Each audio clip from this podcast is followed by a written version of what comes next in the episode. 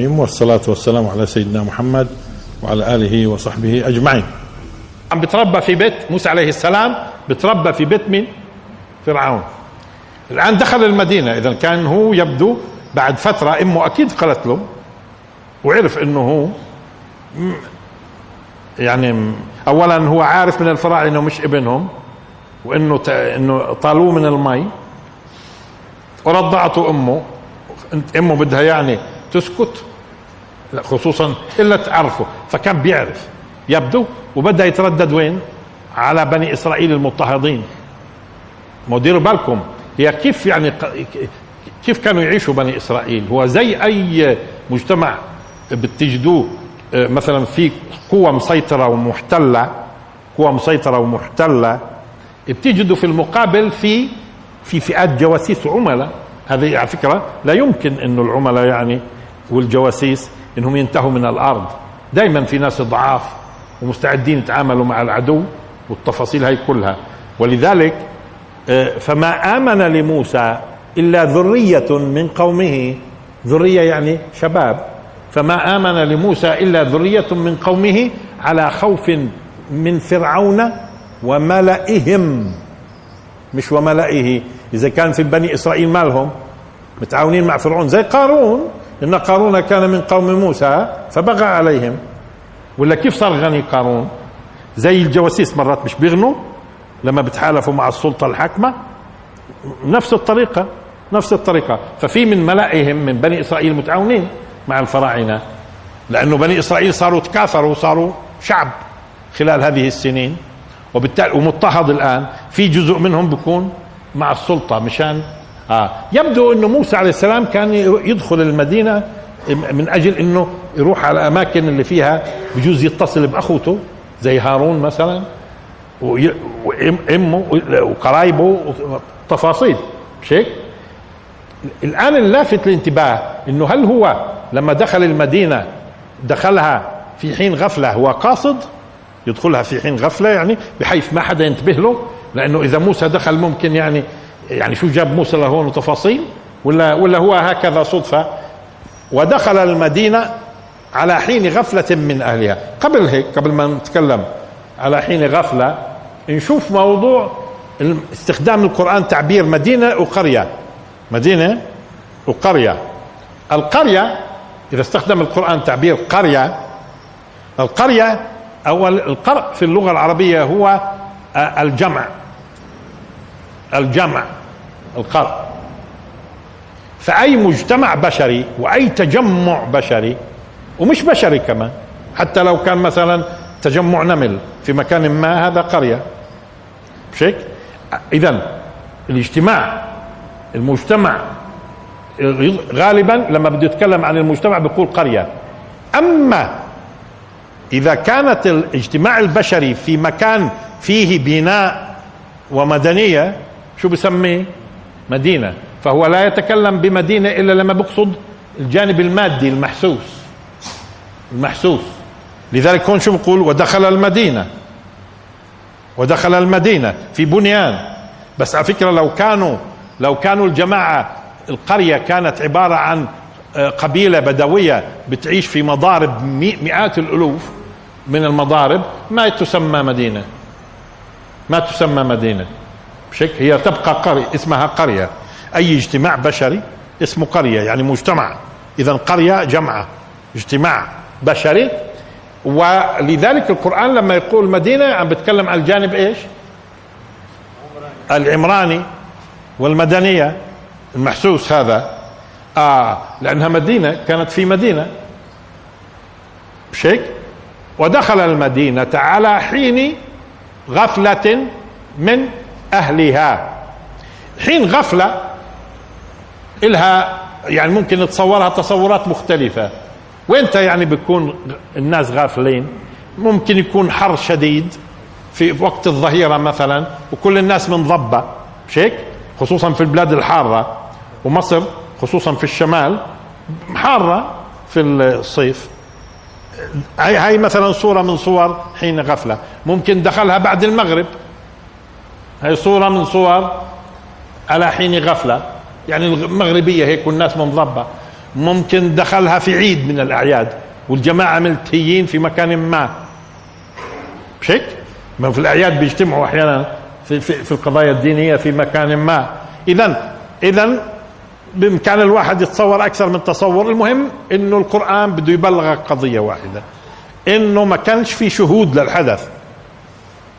ما كانش في شهود للحدث فهو دخل آه اذا ودخل المدينة على حين غفلة من أهلها. شو استفدنا؟ إنهم أهلها مش منتبهين. استفدنا إنه ما في شهود. ما في شهود. فوجد فيها رجلين يقتتلان. لما نظر طبعا ويبدو إنه مش هذه أول مرة بروح وبيجي موسى عليه السلام وهو الآن شاب. اذا هو بيعرف مليح مين من بني إسرائيل ومين من الفراعنة. ولو من اللبس ولو من الملابس. لأنه مرات كانت آه، أحيانا مشان يميزوهم مين المستعبد. من غير المستعبد مين المستذل؟ من غير المستذل يخلوهم يتميزوا بإيش؟ باللباس. زي ما اليوم اليهود كانوا يعطونا مثلا هوية خضراء أو أو هويه برتقانية. مشان شو؟ مشان يميزونا. طب والسيارات؟ برضه بيضعوا لك رقم ولا هم لو لو كان بيطلع بيدهم كان دمغونا بطريقة أو أخرى مش هيك؟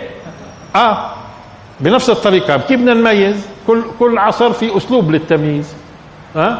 تمييز الهوية تمييز رقم السيارة آه آه هناك باللباس وممنوع آه فبالتالي بيقدر ببساطة يشوف من اللباس ودخل المدينة على حين غفلة من أهلها فوجد فيها رجلين يقتتلان. هذا من شيعته. شو يعني من شيعته؟ يعني من بني إسرائيل. لأنه جماعته جماعته اللي هو بتشيع لهم. ولو من جواه افرض إنه موسى على فكرة موسى عليه السلام ممكن في أي لما يمد فينا التفسير نشوف. في كان واضح إنه في مرحلة من المراحل واجه واجه الفراعنة بإنكار عقيدتهم. كانوا بيعرفوه. ولأنه ولولا انه مربى في بيت فرعون كان بطشوا فيه. أما من اول لما كبر على فكرة قبل النبوة كان متحديهم ومش مؤمن بعقيدتهم بقول لهم هاي عقيدة مرفوضة. إيش دليلنا؟ مش وقته الآن. في تفسير ببين معنا فيما بعد. في آيات واضحة في هذا الكلام.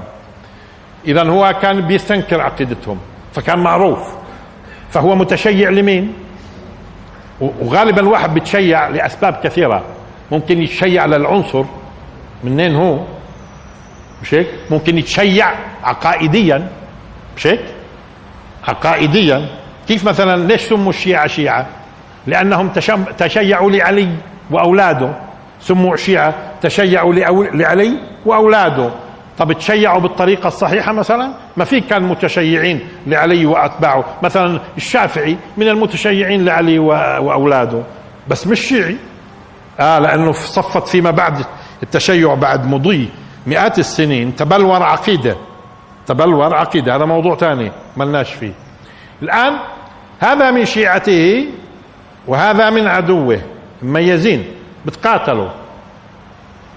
الآن موسى معروف. لبني إسرائيل. وبجوز يكون معروف أكثر واحد لأنه هذا اللي بتنازل يجي من من من قصر فرعون لعندهم المضطهدين ها؟ ويتحدث معهم وتفاصيل وينصرهم ها؟ مش هيك؟ لأنهم قومه آه بيعرفوه بيعرفوه مليح. وإذا بيعرفوا حدا بيعرفه هو. فاستغاثه الذي من شيعته. استغاثه يعني اذا إيش معناته الزلمة كاين مزنوق. معناته الفرعوني أقوى شوية مبين مش هم يقتتلان؟ لأنه مين اللي غالبا يستغيث؟ الضعيف الأضعف. هو ممكن قوي بس الأضعف في هذه المعركة. مش هيك؟ الأضعف القيت. فاستغاثه الذي من شيعته على. استخدام على هاي لأنها المطلوب نصرة على. ينصروا عليه. مش هيك فاستغاثه الذي من شيعته على الذي من عدوه. طبعا الآن المنظر أمام المنظر أمام موسى عليه السلام وموسى الآن شاب بعده لم يبعث بعده الآن مش نبي بعده مش نبي. ولكن الأنبياء يتم اختيارهم واصطفائهم. مع الله اصطفاه من صغره مش هيك؟ آه وبالتالي بهيئه اذا هو اولا بده يكون شهم بده يكون حساس اتجاه العدالة مش هيك؟ بنصر المظلوم طب لأول وهلة لأول وهلة لما بشوف الواحد المنظر مش بيتبادر, بيتبادر لذهنه على طول إنه الظالم هو الفرعوني ليش؟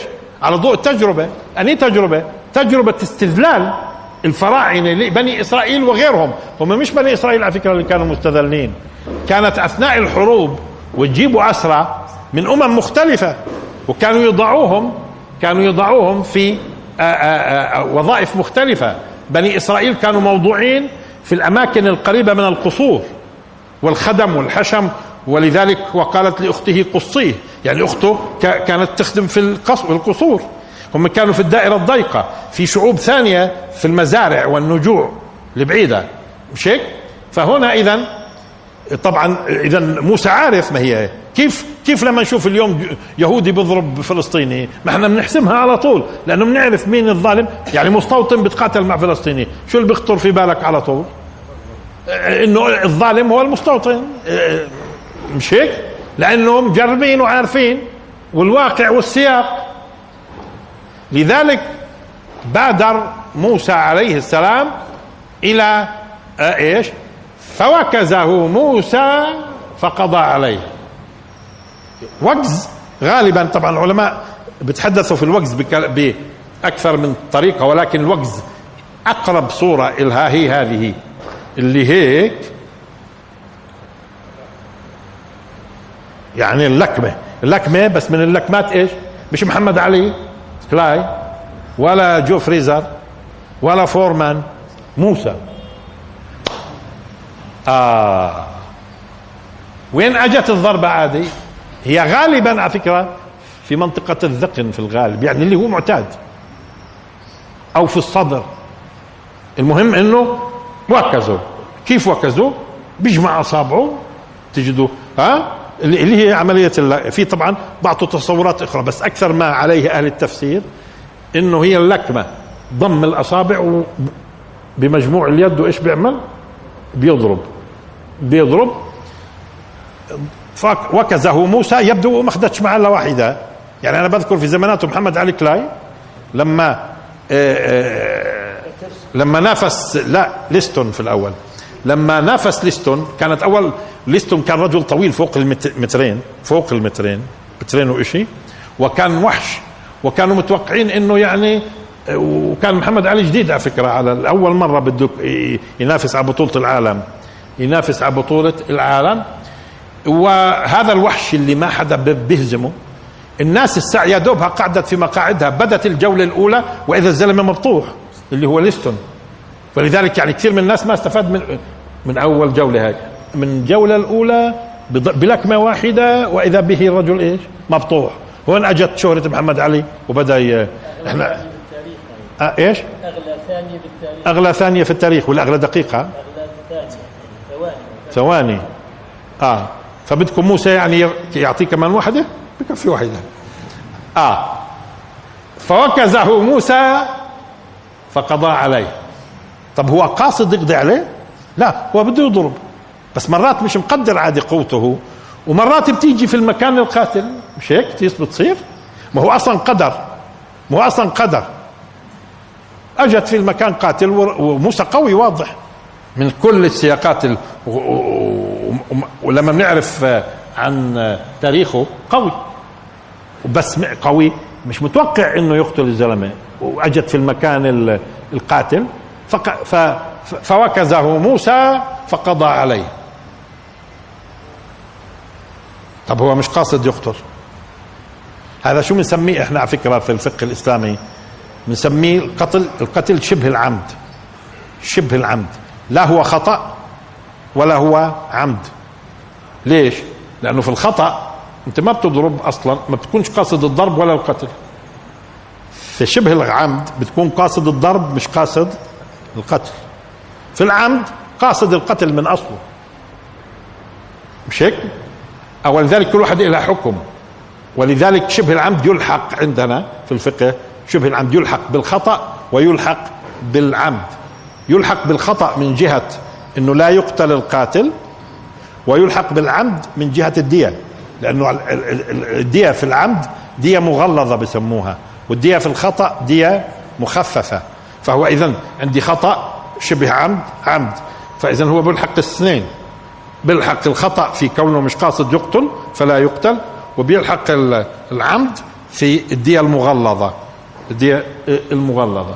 طيب فركزه موسى فقضى عليه. والعجيب والعجيب إنه لما بيجي بيستغفر بيقول قال ربي إني ظلمت نفسي فاغفر لي.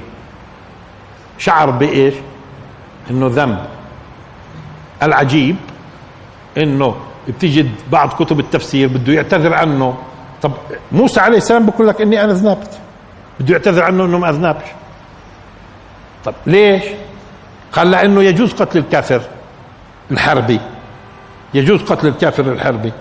وبالتالي يعني هو مش مذنب من أصله. فصاروا يحاولوا يفسروا موضوع فغفر له. إيه غفر له شو؟ ما هو بيقول ربي إني ظلمت نفسي فاغفر لي. هو قاصد يضرب. يضرب مين؟ يضرب واحد ظالم. يضرب واحد ظالم. شو عرفوا إنه هو الظالم؟ السياق. المجتمع هيك. مبين. هذا مع هذا مستوطن مع فلسطيني. مبينة. بس بجوز يكون الفلسطيني هو اللي مسكع. بس المهم إنما هيك لأول وهلة بيكون إيش؟ مبين الأمور بهذه الطريقة. مش هيك؟ آه. لذلك هو شعر إنه طب أنا المسألة بين الاثنين مقاتلة. يوكزوا يقتلوا. مش طب أنا قصدي أ- ادفعه آه، مش هيك؟ فانقتل. آه. وهذا بدل أصلا على إنه في الأصل في الأصل إنه سواء كان كافر ولا مسلم ولا غيره يحرم دم الإنسان ما لم يكن في مسوغات. اذا حتى لو كان كافر ما يجوز قتله. هي موسى عليه السلام. هي موسى عليه السلام. بيقول ومش بس هيك. والله بذكر على لسان موسى إنه استجاب له وغفر له. معناته ذنب من أصله هذا. معناته الذنب ولو إنه خطأ. وقتلت الكافر بس كنت كنت ضربت انت ضربت ما انت ما انت ضربت. مش هيك؟ وأدى إلى القتل.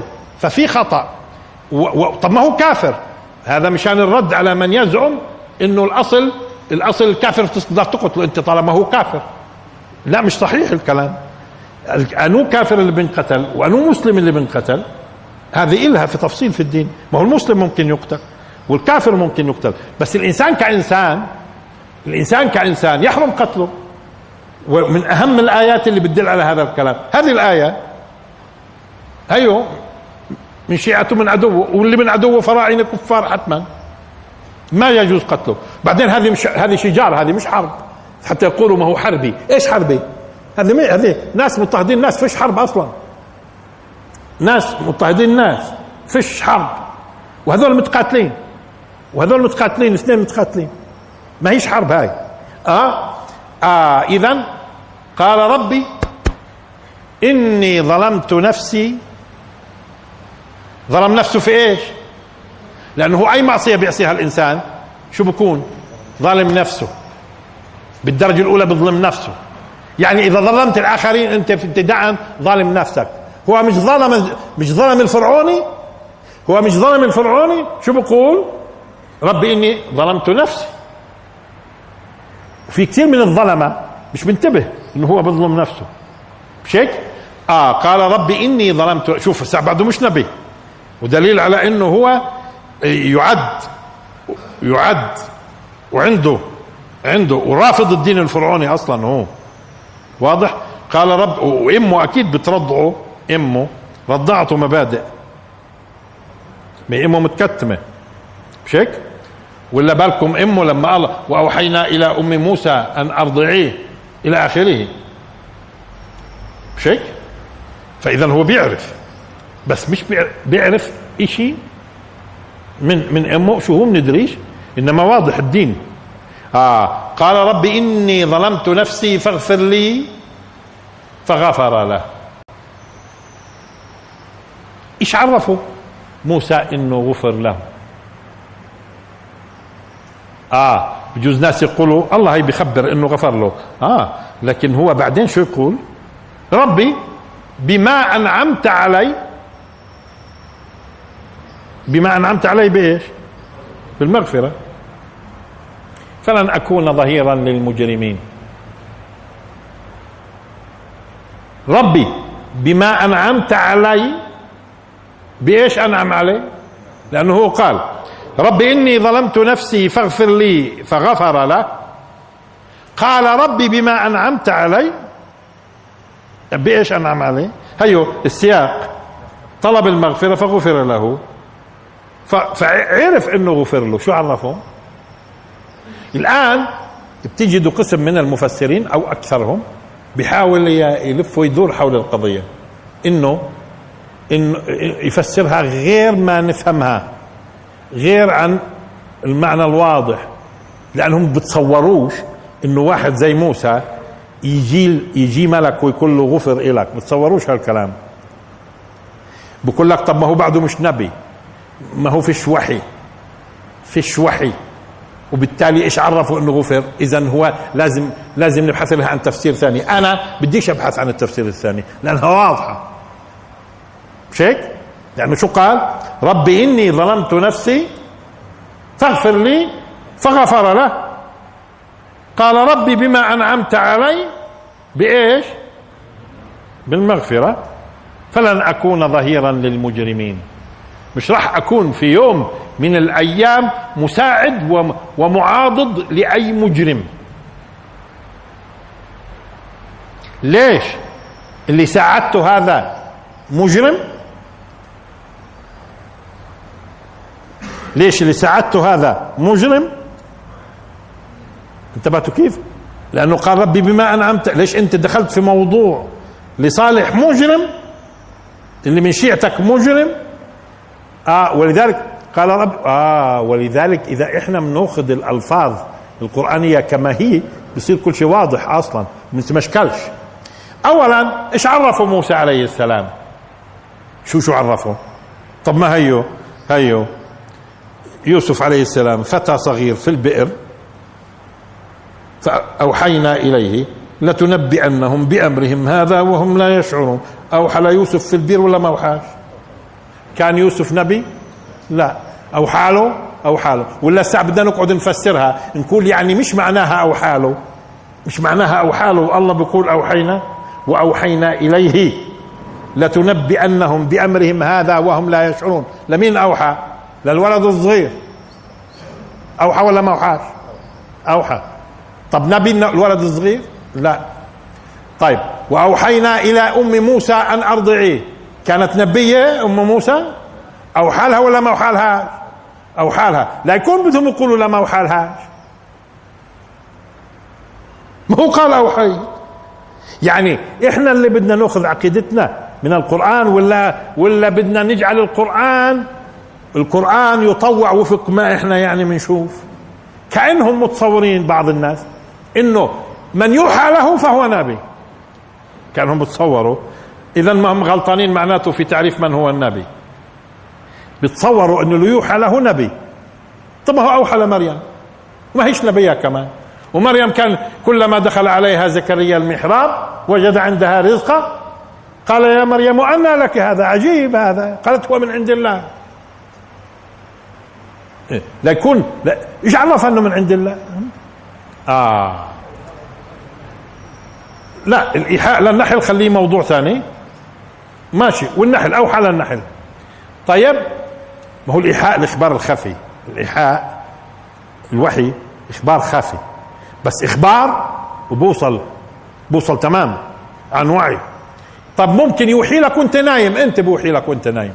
ليش الرؤية صادقة شهي ليش الرؤية صادقة لما واحد بيطلع على المستقبل وبيحصل؟ إيش معنى طب هي مخبر بما سيحصل في المستقبل. إيه قالوا لي خبروا بالمستقبل؟ بصير معنا إحنا. مش هيك؟ وهذا شو هو؟ شو بمنع هذا وحي؟ مش هو إخبار؟ وإخبار بغيب؟ بتم عبر الرؤيا الصادقة؟ هذا وحي.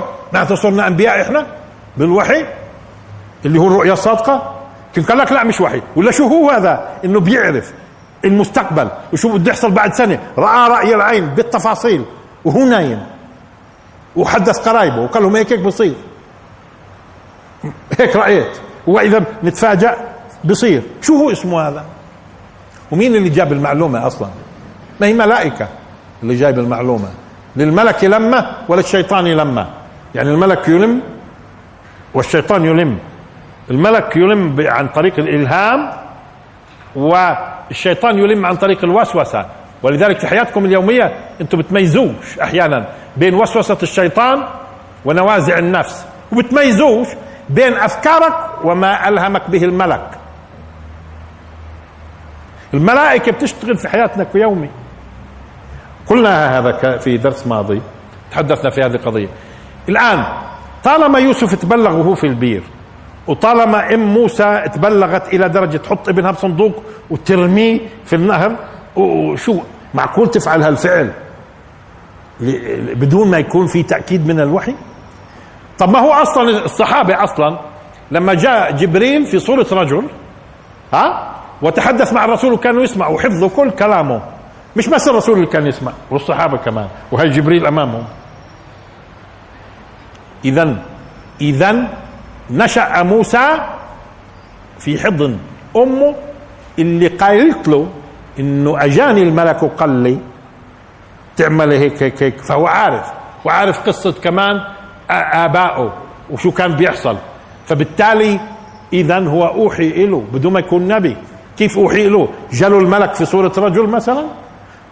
فنادتها الملائكة مش هيك؟ مش نادتها الملائكة؟ ونادته الملائكة. عفوا. نادته وبالنسبة لمريم؟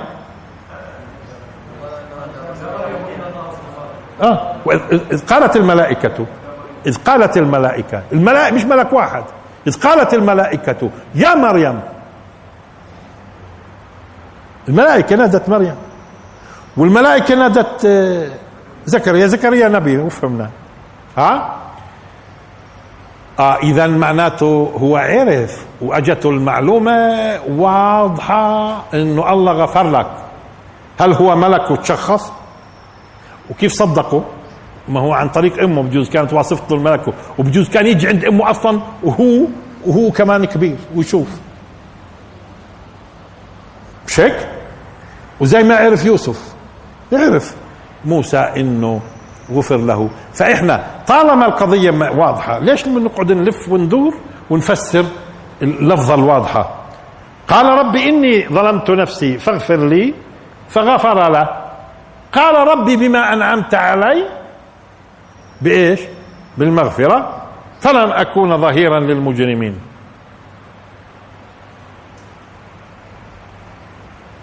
واصلا في أحاديث صحيحة كمان عن عن ملك بيأتي قصة هو الحديث صحيح هذا قصة الضرير والمصاب بالبرص والثلاثه مش هيك؟ مش كان ملك اللي يجيهم؟ طب هذول أنبياء هم؟ آها. طيب اذا نرجع. اذا هو عرف إنه غفر له. ربي بما أن رب ربي بما أنعمت علي فلن أكون ظهيرا للمجرمين. شو هو الظهير؟ هو المعين والمناصر والمؤيد. وليش سمي ظهير؟ لأنه عادة الناس كانوا زمان خصوصا في المعارك لما بخوضوا معركة بتجد بيحموا ظهور بعض. لأنه كان الأمر بيعتمد على القوة القوة البدنية. فأنت غالبا ضعفك وين؟ في ظهرك.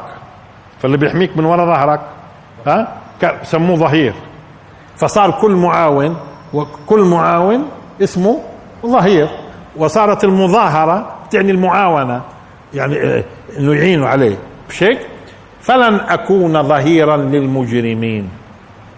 إيش جاب المجرمين؟ أنت أصلا قتلت المجرمين. آه راح نكتشف إنه هذا الإسرائيلي هو المجرم. طب شو عرفه لاحظوا. لاحظوا.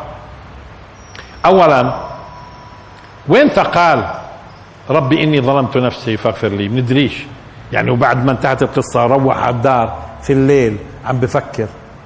بدأ يدعي. بجوز دعا أول يوم ودعا ثاني يوم. انتبهوا دعا أول يوم دعا ثاني يوم عبين ما اجى الخبر.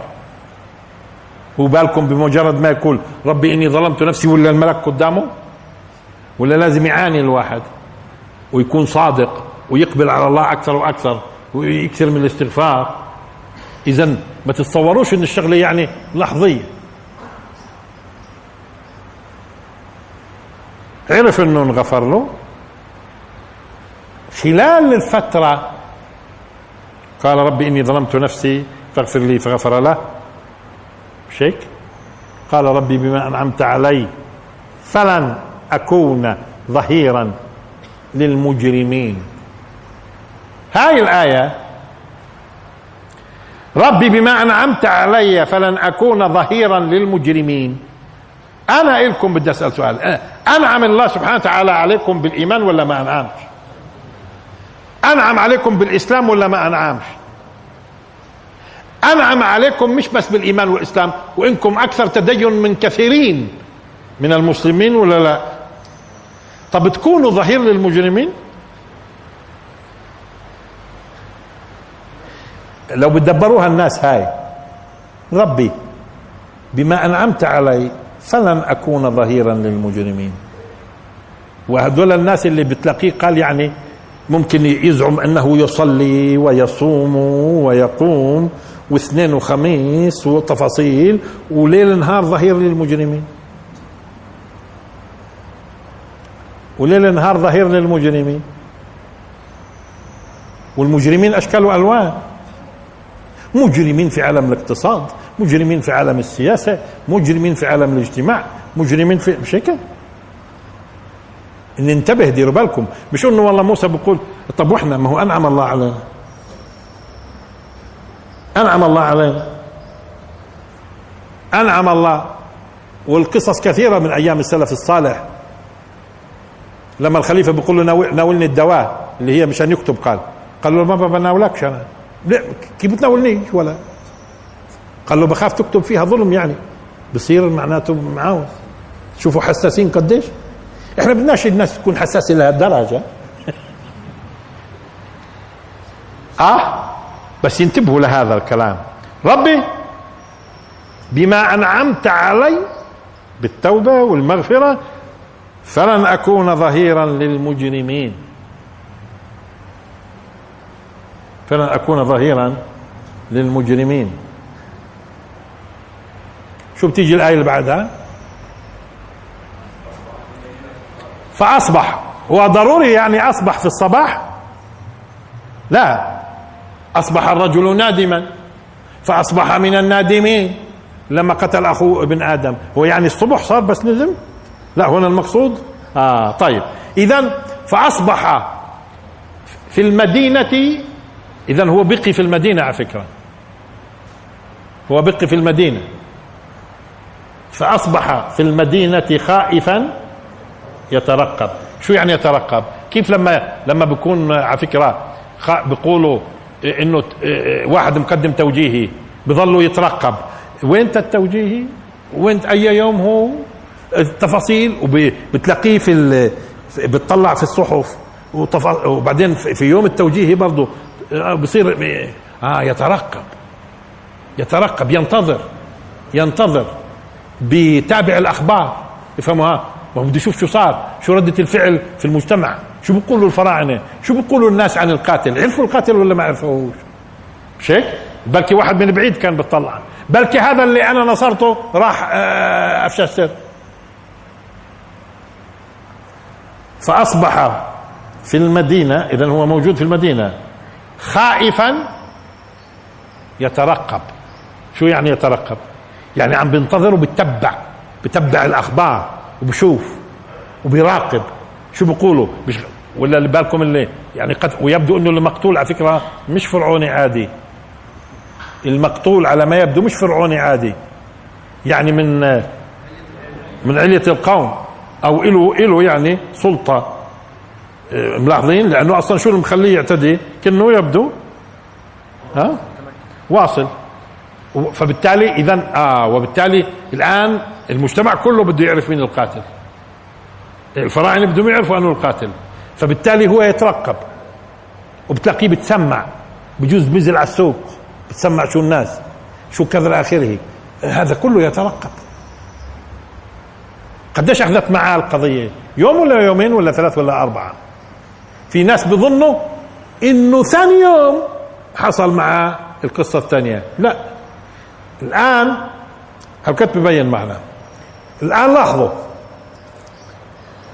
وهو يترقب وإذا به على ما يبدو راح يتضح الأمر الآن شوي. وإذا به يكتشف أنه هو ناصر واحد جاسوس إسرائيلي جاسوس. على ما يبدو. إنه كان أثريتني أنا مناصر واحد حقير لأنه لأنه لما لما الآن بده بده يترقب ويشوف شو شو قصة بدهم الناس يتكلموا عن قصة مين؟ قصة المقتول طب ومين القاتل هذا؟ قصدي مين اللي أنا قتلت من أجله؟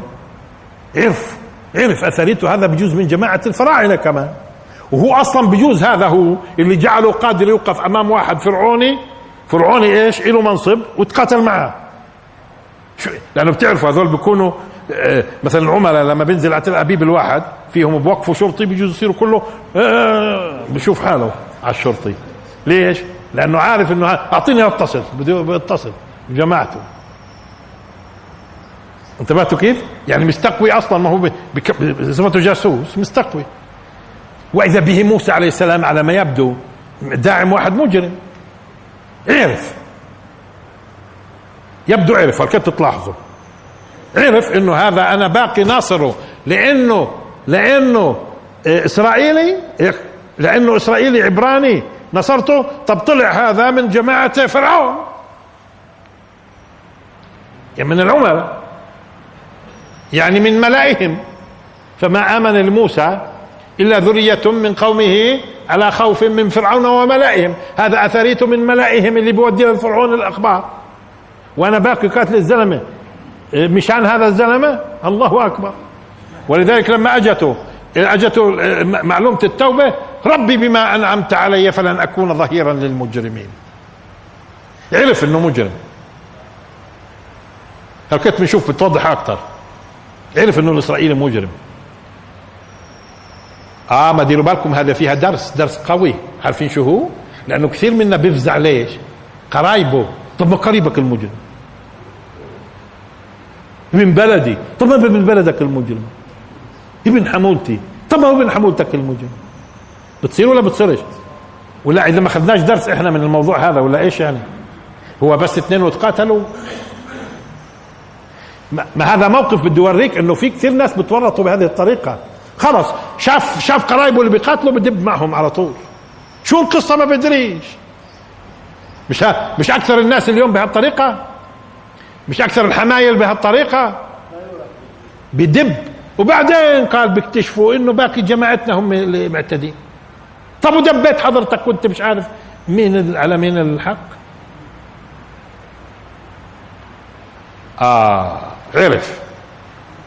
فأصبح في المدينة خائفا يترقب. معناته مش. قاعد في الدار بروح وبيجي في المدينة مشان يدخل فإذا الذي شو شو معناته في المدينة يترقب؟ معناته رايح وبيجي في الأسواق. فإذا الذي استنصره بالأمس يستصرخه. طب ليش ما قال؟ فإذا الذي استنصره أمس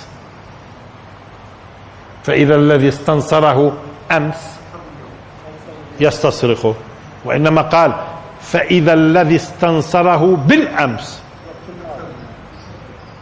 آه ننتبه هون لقضية.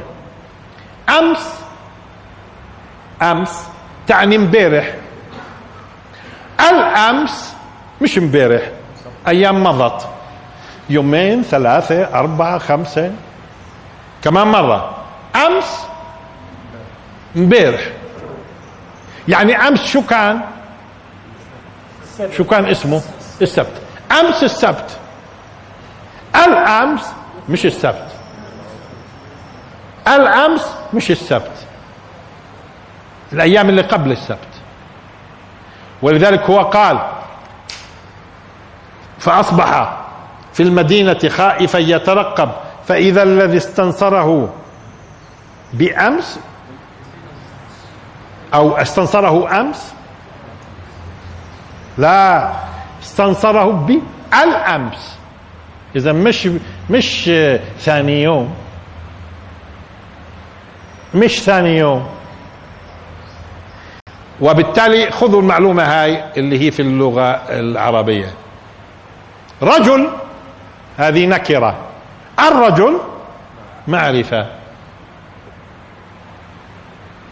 ولد ولد أبصر ولد مين؟ الولد هذا معناته معروف. إلا كلمة واحدة في اللغة العربية. أمس هي معرفة يعني لأنها امبارح. ولما يضاف إلها الأل بتصير نكرة. مش معروفة. انتبهتوا كيف؟ إذا أمس معرفة. وألأمس نكرة. هذه الكلمة الوحيدة يبدو في اللغة العربية. إذا عرفت خلاص نكرت. إذا عرفت نكرت. لأنها هي معرفة أصلا. أمس معرفة. فإذا يضيف لها الألف شو صارت؟ نكرة. شو يعني نكرة؟ يعني أنو أيام منهن ما ندريش أكم يوم. بس لما قلنا أمس بندري امبارح معروف. آه ولذلك الأمس القريب والأمس البعيد. ال اذا نأخذ هذه الكلمة كمان مرة في اللغة العربية. أمس معرفة غير عن كلمة رجل. هذه نكرة. ولد نكرة. كتاب نكرة. أمس معرفة. الكتاب معرفة. الولد معرفة. الأمس نكرة. نعم. يعني قد يكون بالأمس هو اليوم الذي حصل فيه القتل. آه بس مش امبارح. مش امبارح. بس محدد للناس الأمس الذي قتل فيه الرجل لما ينعرف. ما هو أصلا لحد الان مش معروف أنه القاتل. طيب. آه فأصبح في المدينة خائفا يترقب فإذا الذي استنصره بالأمس معناته بدي اعطيك معلومة إنه في عدة أيام. يستصرخه شو يستصرخ شو الفرق بين استغاثه استغاثة بتطلب انت العون من من شدة واقع فيها أو مشقة. شدة أو مشقة واقع فيها بيطلب بيستغيث. لما يرفع صوته بالاستغاثة شو بصير اسمه؟ استصراخ يعني معناته بتكون الشغلة لأنه في الأول بجوز استغاثه يعني مشان يبطحوا لأنه مش قادر له وشوي آه، أضعف منه شوي. بس لما بستصرخ معناته واقع فيها. فإذا الذي است- است- استنصره مش طلب النصرة هو لما استغاث بالأمس يستصرخه. قال له موسى إنك لغوي مبين. مش قلت لكم عرفوا من قبلها ما هو قصقص أخبار وعرف الزلمة. إنك لغوي. وغوايتك واضحة ومبينة. انتبهتوا؟ اذا لما استصرخوا شو قال له موسى؟ إنك. لاحظوا إنك. واستخدم اللام لغوي. لأنه هي كلها تأكيد على فكرة. إنك إنك. لغوي. مش لغوي لأنه لغوي هذوك جماعة اللغة. لا إحنا بنقول لا غوي. أما اللغوي المبين هذاك اللغوي اللي بيقدر يبين عن نفسه. مش هيك؟ إنك لغوي. مبين. يعني غوايتك مبينة وواضحة. طيب أنتم بتتوقعوا بعد ما يكون له اولا قائل فلن أكون ظهيرا للمجرمين. اثنين ولك أنت غوي ولك غوايتك مبينة. تتوقعوا بعد هيك ينصروا؟ بأي عقل؟ وهون إشكالية كت... كثير من كتب التفسير. هم تصوروا إنه نصر الزلمة هذا شيء عجيب. بيقول له أنت غوي مبين وبينصروا كمان. وامبارح الساعة بيقول ربي بما أنعمت علي فلن أكون ظهيرا للمجرمين. طب ما أنت هل كنت بتحكم عليه؟ إنه غوي مبين. على أي أساس بدك تنصره كمان مرة؟ على أي أساس بدك تنصره كمان مرة؟ ليش؟ وأنت حاكم عليه بأنه غوي مبين. فإذا مش لازم يروح ذهننا في التفسير اطلاقا اطلاقا. ما لها وجه أصلا. ما لها وجه إنه يكون نصر هذا الإسرائيلي. قبل هيك. هذا من شيعته وهذا من عدوه. مش هذا من شيعته وهذا عدوه. كمان مرة. هذا من شيعته. من من الإسرائيليين. وهذا من عدوه. بس مش ضروري يكون عدو أصلا. كمان مرة. انتبهوا تمام للتعبير هذا لأنه بعد شوي هقيت قال هذا هذا شيعته؟ لا. هذا من شيعته؟ هذا من بني إسرائيل؟ هذا من العبرانيين؟ من؟ بس هذا اللي من بجوز يكون عدو. هذا اللي من شيعته بجوز يكون عدو. وهذا من عدوه طب ضروري يكون عدو اللي من عدوي؟ ما في عندنا ناس آه، ضد ضد الصهيونية من اليهود. بس هم من عدوي. هم من عدوي بس مش عدوك. هو هو مش معاديك من عدوك. تمام؟ لاحظوا اذا كيف استخدم. هذا من شيعته وهذا من عدوه. لكن هون شو قال؟ فإذا الذي استنصره بالأمس يستصرخه قال له موسى إنك لغوي مبين. وطالما أصدر حكمه ولك من عرفتك. اذا يفترض إنه يتناوله. مش هيك؟ هذا الإشي الطبيعي البدهي أصلا. طالما مرته سابقا بعدين عرف صفحته. وأدرك إنه هذا من, من الإسرائيليين اللي هو من شيعتي بس مش هو من مع العدو. هو منا بس مع العدو. مش هيك؟ لذلك خلفية موسى عنه.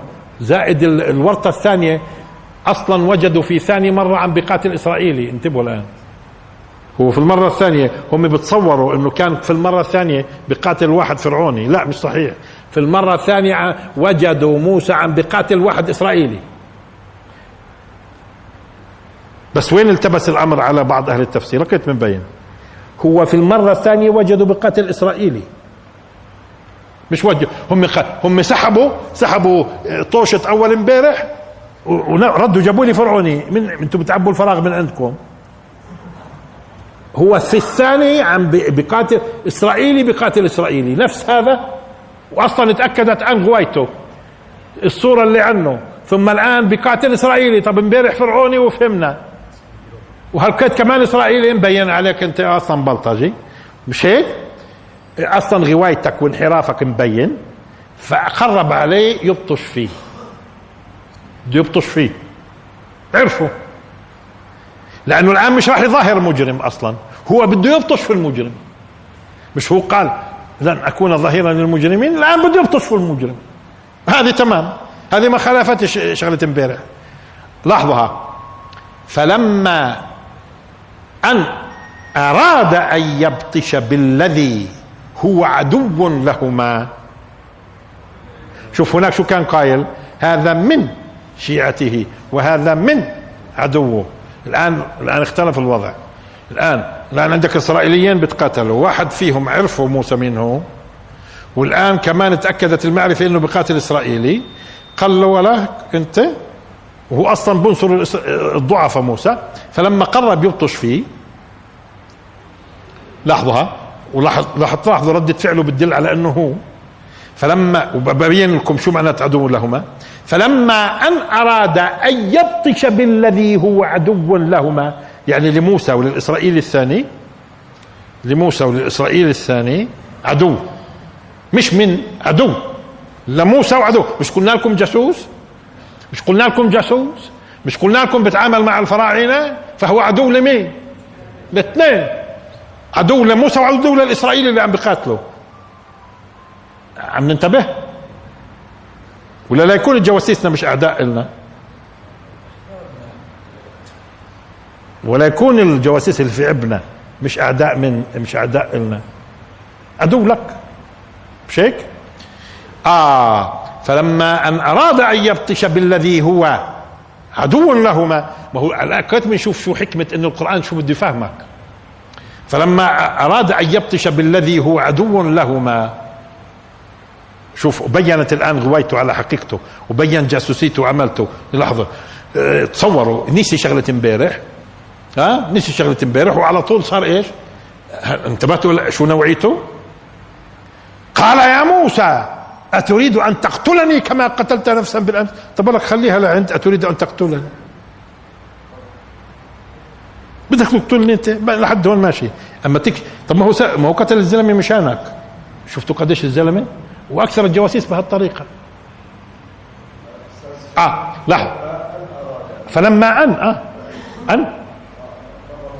فلما أن أراد وعلى فكرة أن هاي إيش؟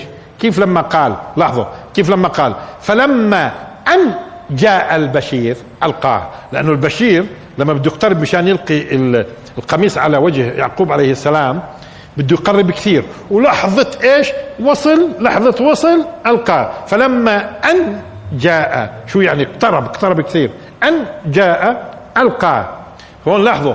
فلما أن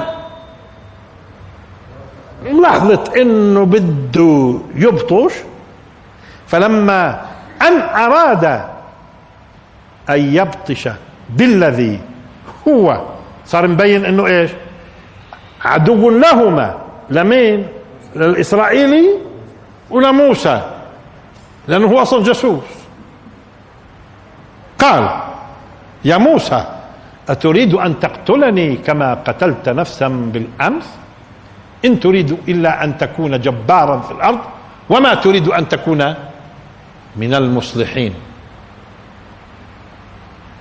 تصوروا تصوروا قال قال وما تريد أن تكون من المصلحين وكأنه حضرته مصلح. يعني ما شاء الله عنه طول نهاره يصلح.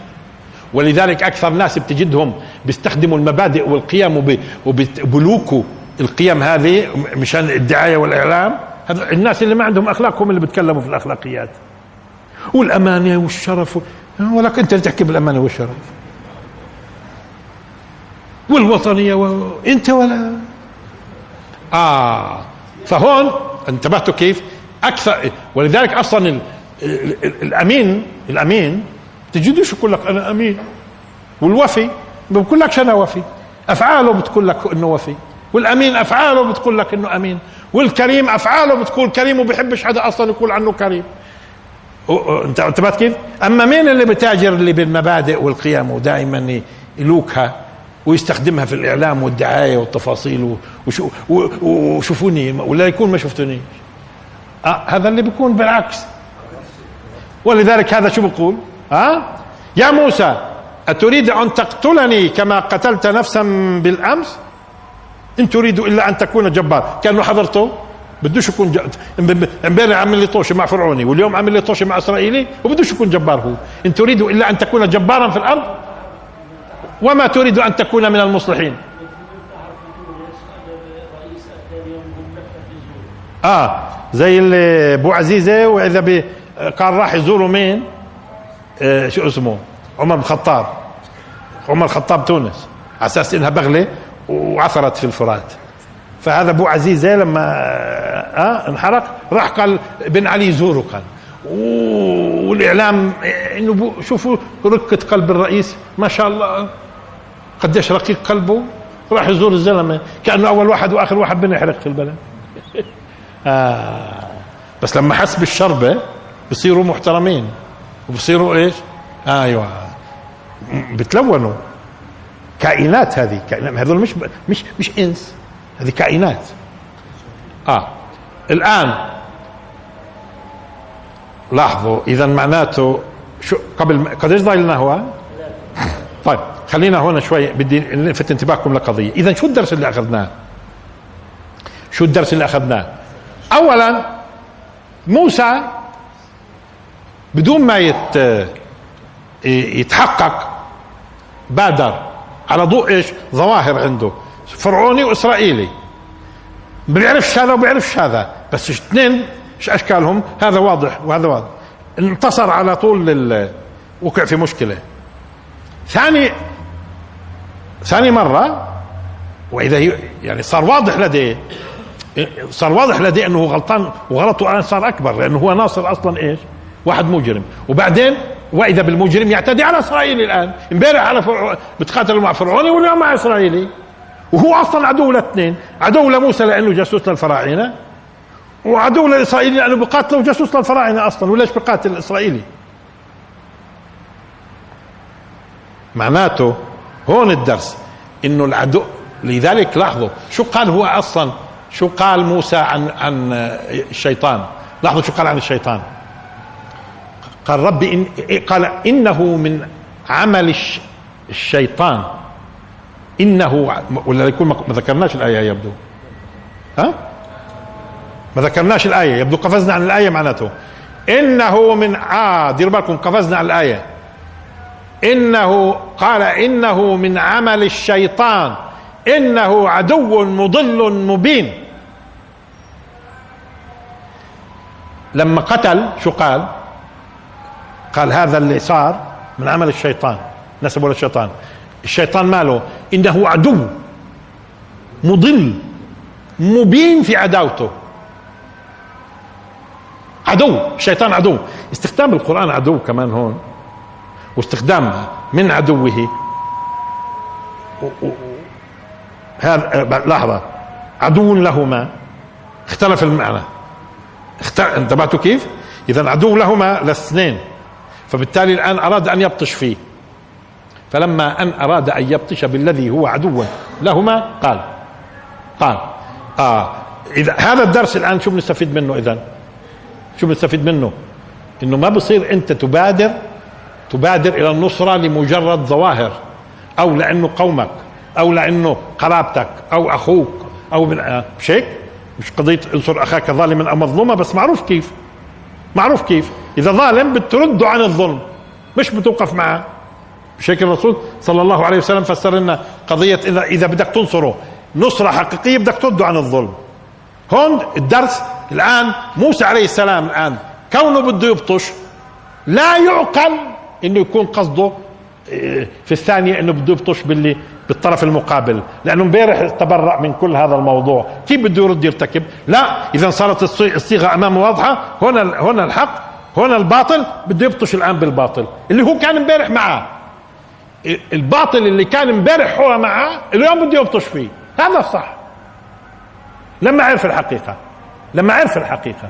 إذا لاحظوا. إذا لما عرف الحقيقة بده يصحح موقفه. لما بيصلح موقفه بده يبطش فيه هذه ما فيش فيها أي مؤاخذة لأنه هذا الصح. أما إذا حاولنا نفسر بغير هذا التفسير في مشكلة. مشكلة.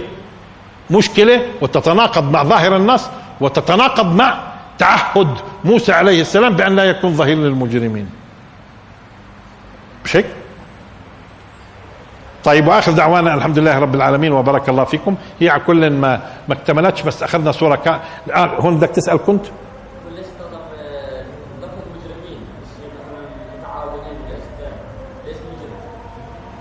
آه لأنه إحنا الآن بنستخدم تعبير مجرم إحنا نستخدم تعبير مجرم لما تكون الذنوب كبيرة وترتكب في حق الآخرين. لما تكون الذنوب كبيرة وترتكب في حق الآخرين بنقول عنه مجرم مش هيك؟ اذا وين بنستخدم أنتم تستخدموا هذا التعبير؟